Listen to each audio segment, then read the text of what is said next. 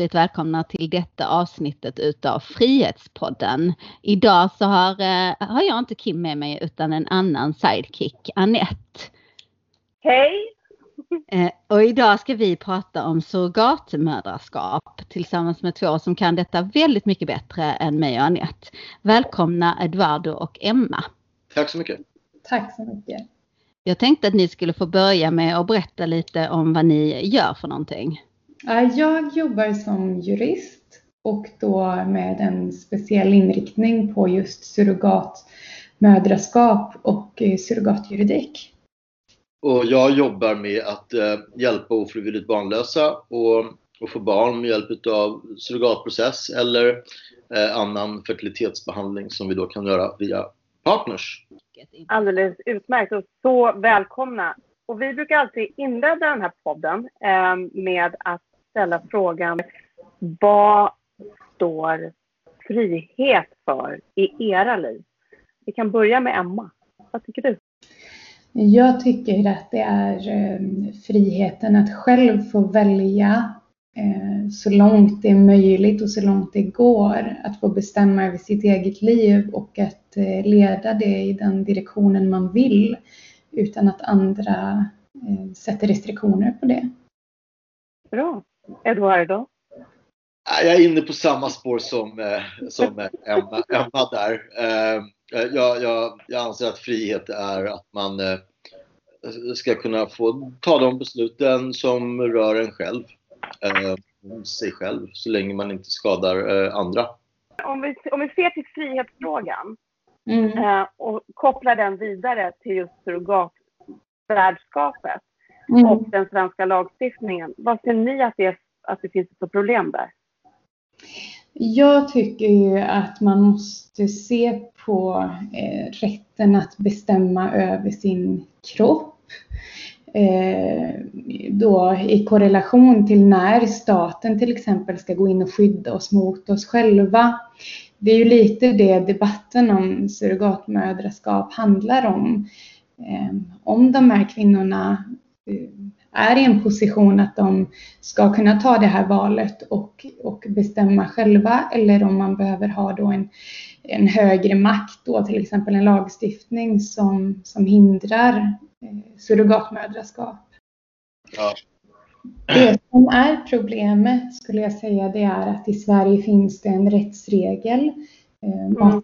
Preserta est, som kan översättas med den som föder ett barn alltid är barnets mamma vi som jobbar med surrogat, vi vet att det är inte alltid på det sättet. Det är inte så de inblandade önskar att det ska vara. Den som bär och föder barnet är inte heller genetisk mor till barnet. Så det som vi önskar och det som hade varit bra ur ett lagstiftningsperspektiv det är att man inför moderskapsfastställelse eller en möjlighet till att fastställa moderskap precis så som vi har för män, att man fastställer faderskap. Ja, eh, vad, jag, vad jag tänkte gå in och, och, och svara på, på den frågan är att eh, man, kan uppleva det som väldigt eh, inskränkande eller begränsande för de, eh, för de kvinnor då, speciellt som vill vara surrogat eh, åt eh, sina vänner, eh, närstående eh, eller, vad nu, eller den, den, relation som de nu har att vara begränsade av en, av en lagstiftning som faktiskt är rätt tandlös i och med att man kan åka utomlands och genomföra den här typen av processer. Vi har, vi har ett flertal eh, processer där ett ofrivilligt barnlöst par eh, har en, eh, en god väninna som gärna hjälper dem eh, att bära deras barn. Och vilket vi också gör. Men vi måste göra det utomlands. Så det är helt, eh, det är helt okej okay för en svensk kvinna att åka utomlands och vara surrogatmoder till, till någon? Det är helt, mm. ja, det funkar väldigt bra. Men det här som du sa eh, Emma, moderskapsfastställelse som ju helt eh, riktigt är ju, eh, kan ju jämföras direkt med det som, som man får göra i Sverige som man när man går och liksom skriver på ett papper eh, och säger att ja men jag är pappa till det här barnet. Är det lite så som du tänker att det, det hade behövt att se ut liksom att man eh, ja, precis. Det jag ser framför mig det är ju att man alltid ska ha barnets perspektiv i fokus. Och är det så att man har en person som kommer agera mor i praktiken, ibland också är genetisk mor. Det spelar ju inte så stor roll egentligen om hon är genetisk mor eller om barnet har kommit till genom äggdonation. Men att man på något sätt erkänner eh, det juridiska bandet som barnet kommer växa upp i. Mm. Det låter ju väldigt klokt och det hade definitivt varit till stor hjälp. För vad vi förstår det som så är det många som fastnar um, och har, man har svårt att komma in liksom i välfärdssystemet. Uh, hur, är det någonting som, som liksom händer alla? Är det jättelånga uh, processer och så? Just för att knyta kvinnan till barnet, det är en ganska lång process. Också samma process för en man då som är tillsammans med den genetiska fadern. Det blir samma process där, att man får gå igenom en närstående adoption och den tar ganska lång tid. Vi har aldrig varit i situationen då att den eh, första föräldern till exempel skulle avlida innan adoptionen är klar. Men, men skulle det hända så skulle vi vara i en katastrofal situation där barnet står utan vårdnadshavare. Mm. En fråga också kanske kopplat till det här. Eh, vi har ju en föräldraskapspresumtion. Eh, vad jag förstår så var det någonting, en, en ny eh, regel som för, infördes 2019, eller tidigt under 2019 som eh, betyder någonstans som att eh, den vanliga presumtionsfrågan inte gäller i det fall man har gjort en heminsemination eller inte har gått till, dem, till en så att säga, godkänd klinik eller någonting sånt. Eh, jag vet inte vilken presumtion du pratar om. Hävanderegeln. Menar du inte då för män? Jo, det kanske det är i, i sak, men det är för, för män, ja. Men det, vi pratar ju om kvinnor och föräldraskapet och föräldrapresumtionen. Men um, att det dessutom för förut um, att den regeln skulle ha dykt upp då 20, första i första 2019, ganska sent. Vad var syftet med den då? då? Eh, den går ut på att i vanliga fall då när man, om man har eh, om man går till godkända eh, kliniker så följer eh, faderskapspresumtionen med. Men om du gör en heminsemination eller en icke godkänd klinik så, så, följer den inte med utan då måste du gå igenom hela processen med att bevisa att du far till barnet. Mm. Ja, en insemination. Ursäkta, kan, okay. höra, men kan inte det vara för att spermierna antingen är donerade, man vet inte vem som fadern är. Nej. Man gör det heminsemination. Och sen om man gör det på kliniken och den inte är godkänd så kan man då inte intyga att spermierna kommer från en pappa som är känd. Det, det, måste väl, det känns ju som att det kan vara därför. Jag antar att det här har med det samtycket att göra som en partner måste ge eh, enligt lagen om genetisk integritet vid insemination. Okay. Och det samtycket gör att man fastställs som medförälder oavsett om man är man eller kvinna. Jag antar att det är något som är kopplat till det men, men det är inget som okay. jag jobbar med så eller kommer kontakt med utan för Eh, de här graviditeterna som vi jobbar med, de, för det första så sker de ju inte eh, i Sverige och därför inte enligt lagen om genetisk integritet då, överhuvudtaget. Och eh, heminseminationer förekommer inte utan det är bara embryodonationer. Det vill säga man sätter ju alltid in ett färdigt embryo i den kvinna som ska bära och föda barnet. Hon är aldrig genetisk. Eh, okay. Och det är man ju alltid vid en insemination. Befruktas ens egna ägg. Den är liksom inte relaterad till, till surrogatmoderskap. Det blir inte, ja, vi måste kolla upp var, varför den ja. nya har kommit. Det hade varit intressant att veta. Men jag tänkte på det här eh, som, eh, som vi pratade lite om inledningsvis att det är eh, mycket diskussioner om huruvida det är frivilligt. Att det är det som är liksom den heta potatisen i debatten. Ehm, I alla fall inom partipolitiken. Att ehm, kvinnor eh, säljer sina kroppar eller att det, eh, man, man kränker kvinnor och, och kvinnor är, är, utsatta i den här situationen. Ehm, hur säkerställer ni? Va, hur, hur ser den processen ut? Alltså vi i Sverige, vi hanterar ju, vi hanterar ju inte de, de kliniska och, eh, och kvalificerande samtalen med, med, med eh, kvinnor som vill vara surrogat. Utan i varje land så finns det, så finns det olika typer av lagstiftning. Och i den lagstiftningen då så ingår det att eh, det, det ska vara en rad olika tester och, och, ehm, och vad heter det, bekräftelser som, som måste göras innan någon part får gå in i programmet överhuvudtaget. Så att vi, vi gör inte den typen av så kallade screeningar i, i Sverige. Eh, utan då, då förhåller vi oss till den, den lagstiftningen som finns i respektive land. Eh, men de här paren som, som som har en väninna eller syster eh, eller mamma som vill vara deras surrogat eh, som vänder sig till oss. Där kan vi inte heller göra någon, eh, någon screening eller förundersökning. Men däremot så får vi kvitto hela tiden när vi faktiskt sitter där att det här är vad den här väninnan vill hjälpa det här paret med. Mm.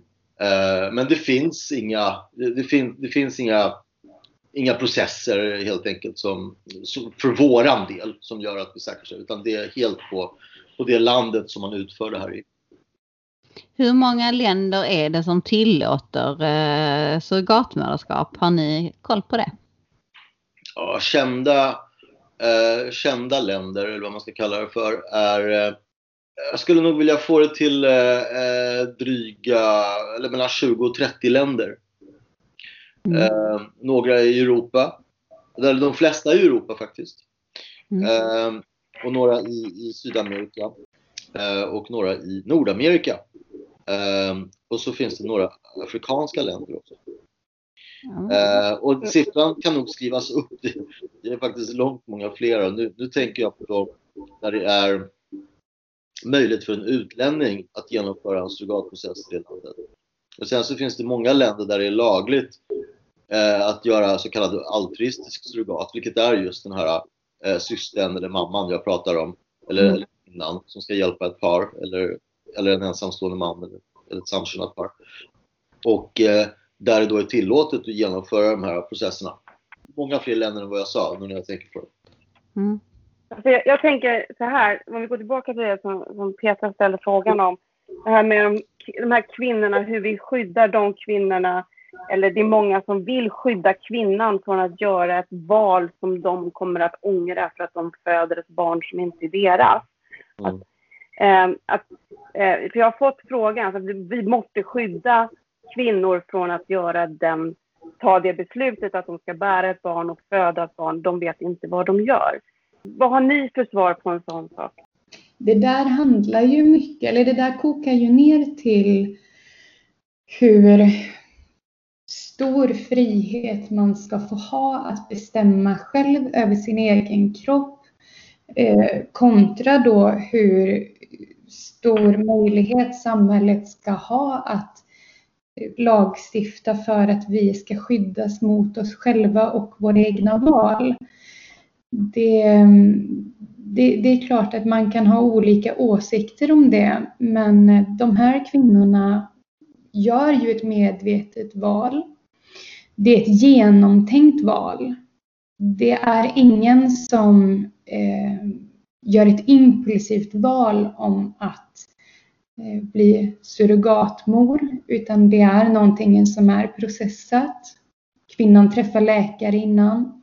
Man pratar igenom processen. Kvinnan har också en egen jurist eller advokat som företräder hennes intressen. Så det är det finns väldigt många möjligheter att tänka om. Men det är ett väldigt medvetet val de här kvinnorna gör. Mm.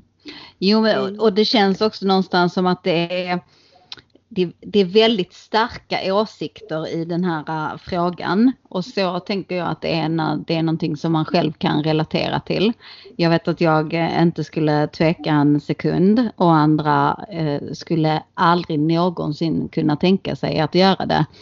Och det är väl lite där man, man hamnar i att man gärna tar med sin egen känsla av någonting in i diskussioner och debatter. Vad, vad, tror ni att vi liksom fastnar i när det kommer till, till att eh, eh, lagstifta? Jag tror att det är rädslan för att någon ska fara illa. Och det är ju naturligtvis eh, något man ska ta på allvar och något man ska överväga. Hur skulle en eventuell lagstiftning se ut? Hur kan man skydda alla inblandade och då framför allt den kvinnan som ska bära och föda barnet. Så att det, det är en kontroversiell fråga och det, det förstår jag att det är. Sen kommer man inte kunna stoppa den här utvecklingen som är nu. Det jag tycker är viktigt är att man gör det på ett så tryggt och bra sätt som möjligt.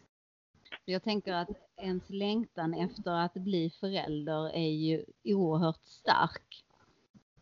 Det händer ju i Sverige också, även om det inte är, är lagstiftat så, eh, så hittar man ju ehm, vägar att gå ändå, vilket också kan bli problematiskt såklart. Eller finns det något land som säger att den här lagstiftningen skulle vi utan problem kunna implementera i, i Sverige? Nu ser lagstiftningarna väldigt olika ut beroende på vilket land det är. Eh, men om man tittar på eh, som tar Storbritannien till exempel. Eh, Storbritannien så är det tillåtet med både altruistisk och, och kommersiell surrogat. Ehm, och, och det innebär att om man tittar på den altruistiska delen så, så är det då ett par eller, eller en, en part, man ska kalla det för en part istället, ehm, som har en, en, en person som vill vara den, deras surrogat eller den personens surrogat. Eh, eller för den processen. Och eh, de, de kraven som finns, du, som, som jag nämnde upp till varje land, eh, men det är ju dels det, det, måste ju finnas ett samtycke och det måste ju visas på, på ett kraftfullt sätt, om man, hur man nu ska uttrycka det. Det måste finnas en, en fysisk Alltså det måste gå rent, rent, rent, rent fysiskt också, rent medicinskt. Hon måste ha, ha barn sedan tidigare. Eh, det måste ha varit från en eh, okomplicerad förlossning, från en okomplicerad eh, graviditet. Och det, det måste finnas eh, ett... Hon måste, det måste kunna bekräftas att hon gör det här utav sin egna fria vilja. Eh, hur de gör just det i England, som var exemplet, det, det, kan jag inte svara på. Jag kan inte detaljerna om det. Men, men om man kan säga att det hela, det hela bottnar i att det, är, det bygger på fri vilja att, att genomföra en sån här process. Men, men regelverken ser väldigt annorlunda ut från land till land. Eh, jag vet inte exakt hur man skulle kunna implementera det i, i den svenska lagstiftningen eftersom jag inte kan berätta detaljerat hur det går till i de andra länderna. Eh, men man kan ju börja med att värdera det en person uttrycker som är att jag skulle vilja vara surrogat. Och så kan man börja där. Uh, och så kan man säkert få fram en process, en bra process som fungerar. Uh, om man nu vill gå den vägen. Mm. Ja, eh, det borde inte vara jätte, men för det känns som att i många länder så om man, om man vill liksom göra det här då som du sa till, till någon man känner eller kanske till ett syskon eller vad det nu än må vara så, så är det inte så komplicerat utan det, man behöver inte gå igenom någon, någon större process av det. Nej, det beror på vilket land det är såklart. Eh, mm. Men rent generellt så man, man börjar ju någonstans med att det finns en person som faktiskt är villig att hjälpa till mm. Eh, att få det här barnet. Och, och, och, den, här, den här kvinnan kan ju göra det av massa olika anledningar. Hon, eh, hon vill gärna hjälpa det här paret, det är hennes bästa vänner. Det är eller en, en, en, släkt, en släkting. Det kan vara för att hon älskar att vara med barn det finns faktiskt många som älskar med barn. Jag kan inte uttala mig om det för att jag kan inte bli med barn. Och, så att man... mm. och det är liksom så här, frågan är var går gränsen för vad, vad man ska få bestämma vad man vill, kan göra eller vill göra med, med, med sig själv. Eh, liksom, vem ska sätta de gränserna? Är det, liksom, är det en grupp, är, är det en mindre grupp eh, personer i olika eh, riksdagspartier eller organisationer utanför riksdagspartierna eller är det faktiskt de personerna som är involverade? Eh, och, och, andra frågor man kan ställa sig liksom, när går åsikter över till att bli övertygelser? Eh, I det här fallet, vad det gäller surrogat, jag har jobbat med det här i fem år nu eh, och har blivit rätt utsatt mm. på, på massa olika sätt. Eh, alltså i, med, ja, med klotter och, och eh, burop och angrepp och, och vad det nu kan vara.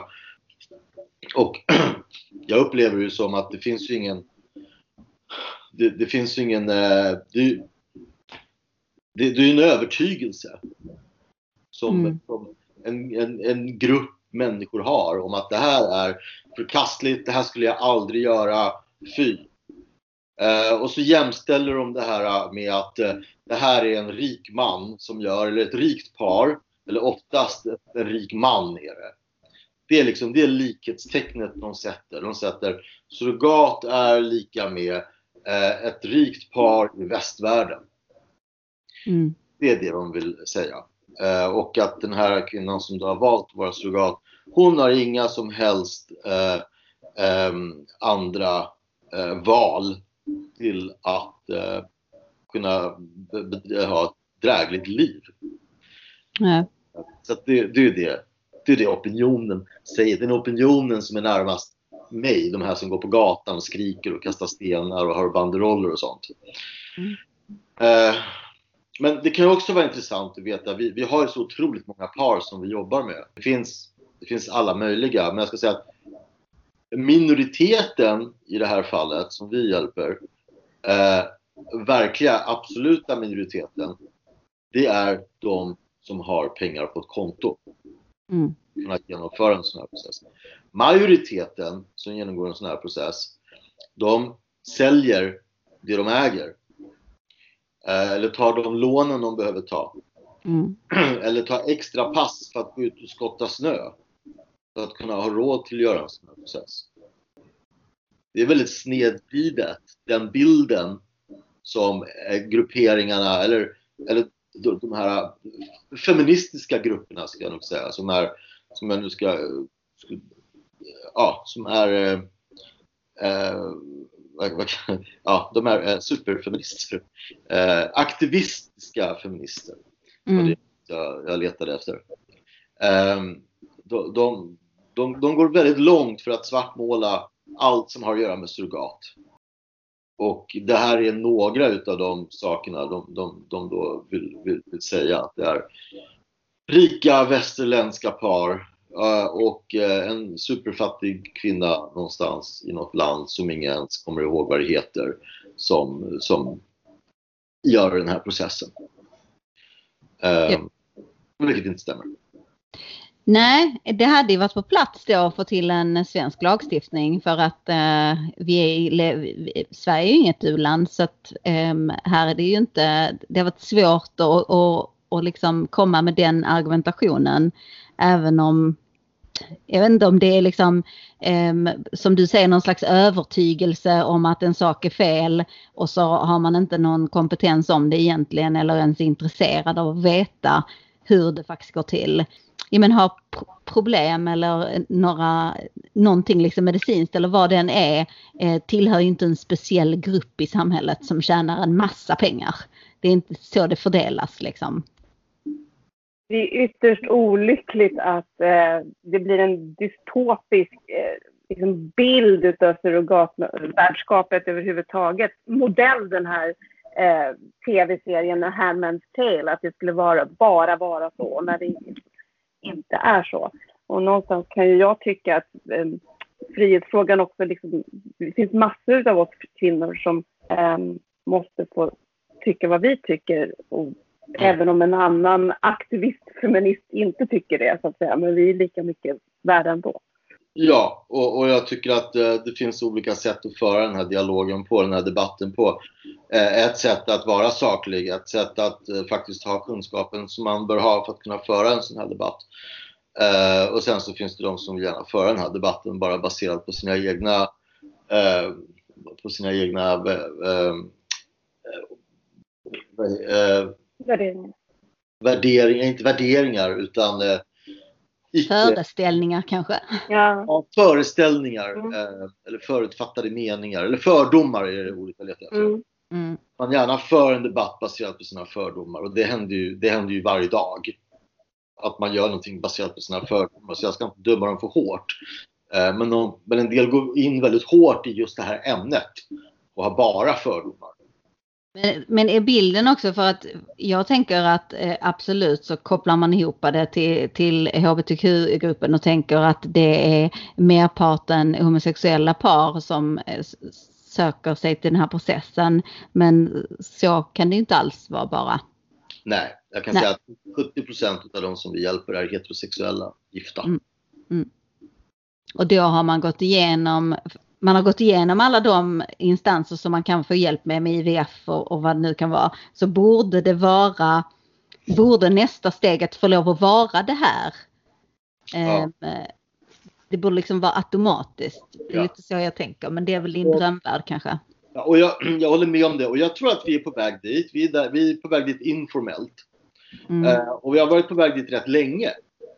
Eh, och anledningen till att jag säger att det är informellt, det är för att de, eh, de läkarna som är ute och jobbar med ofrivilligt barnlösa, som är fertilitetsläkare eller som är hjärt och lungläkare eller vad det nu kan vara för typ av läkare, som faktiskt känner till att det här paret, eller det, ja, paret, det är ju då ett par oftast, eh, och, och de, de, har ett, eh, de har en stor medicinsk utmaning. De kan inte själva bli med barn. Och de, och de vill själva och de vill bli föräldrar. Eh, det händer väldigt ofta att, eh, att läkarna rekommenderar dem att ta kontakt med oss. Mm. Eh, för att det är den utvägen som finns. Adoption är inte längre eh, ett... Eh, det är inte lika många som, som ens påbörjar en adoptionsprocess. Eh, jag har inte gjort en statistik på det här utan det här är bara känsla eh, som, Mm. som jag då uttrycker. Men anledningen till att jag har den känslan det är för att många som kommer hit, de, de har hoppat över det steget. De har själva sagt så här, nej men vi, vi, vi orkar inte gå in i det här med, med adoption, det kommer inte leda någonstans, det finns inga givarländer kvar.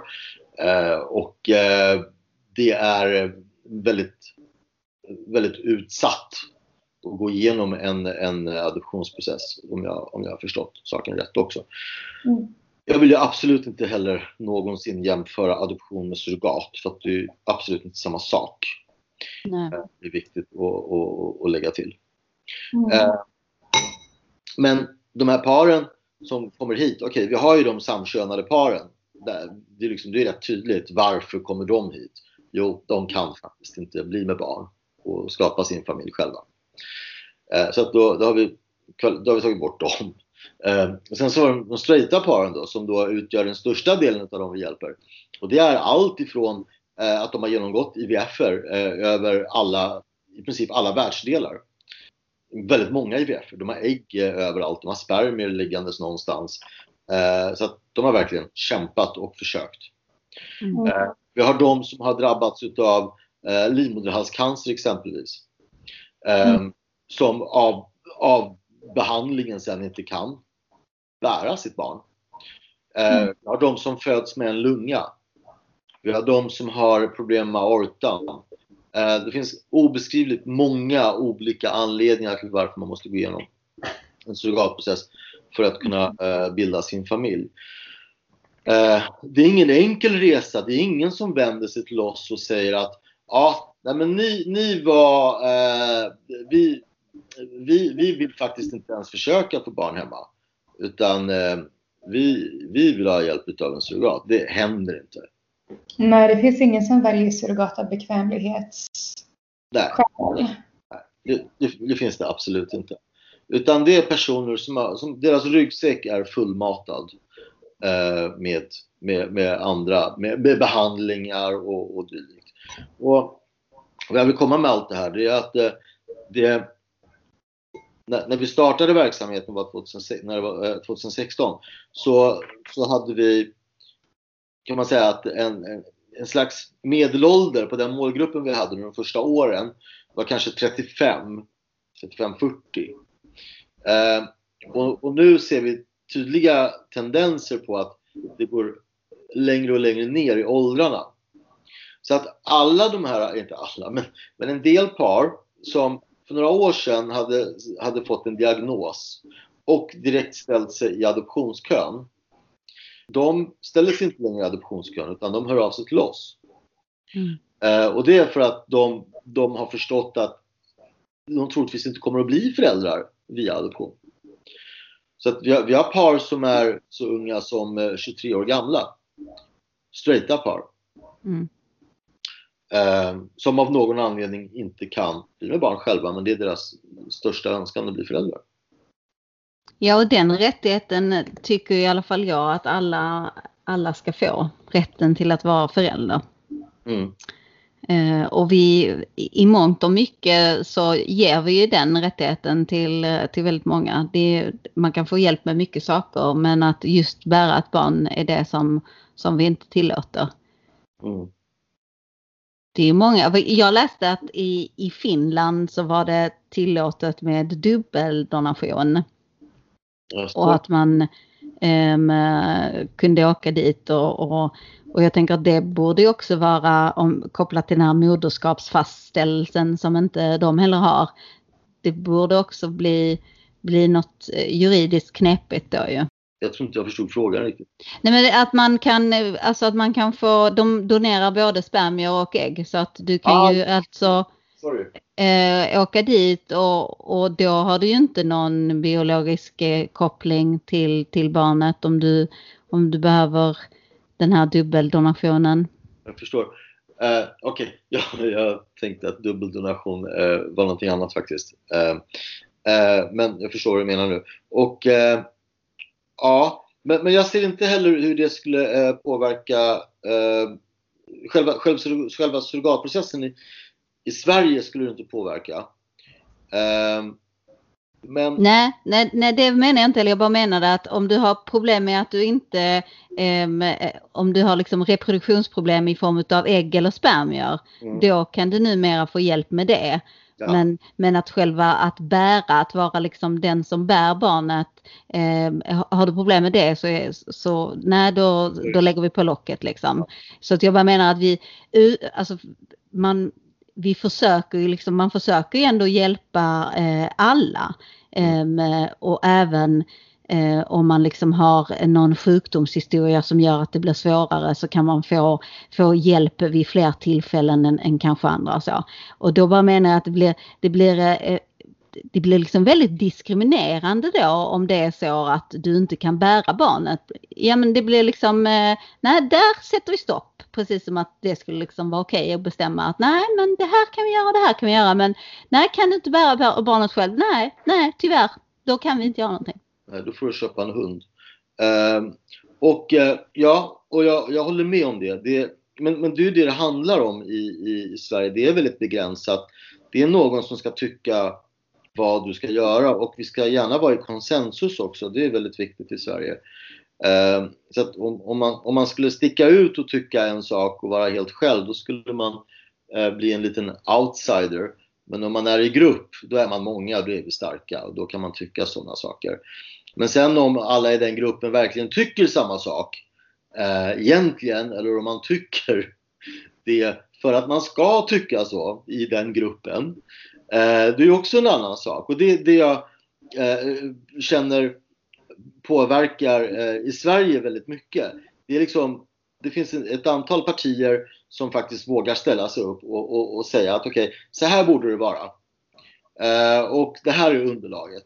Och sen så finns det de partierna som säger så här, nej, vi kan inte ta ställning i den här frågan. För att de har olika grupperingar i sitt parti som då inte vill att man ska ta ställning kring frågan. Ehm, eller vill och vill, de vill att det ska bli ett nej eh, för surrogat. Man ska inte kunna genomföra surrogat. Och då vågar heller inte eh, partiledningen fatta ett beslut för att de vill inte stöta sig med, med eh, den här grupperingen helt enkelt. jag, tycker att det, det, det finns något, någonting som är progressivt i, i, i, i Sverige ändå vad det gäller familjebildning. Inte lagmässigt men, men rent praktiskt. Och, och, även vissa, vissa lagar också som kanske luckras upp lite för att kanske förenkla lite för de som måste åka utomlands och göra en surrogatprocess.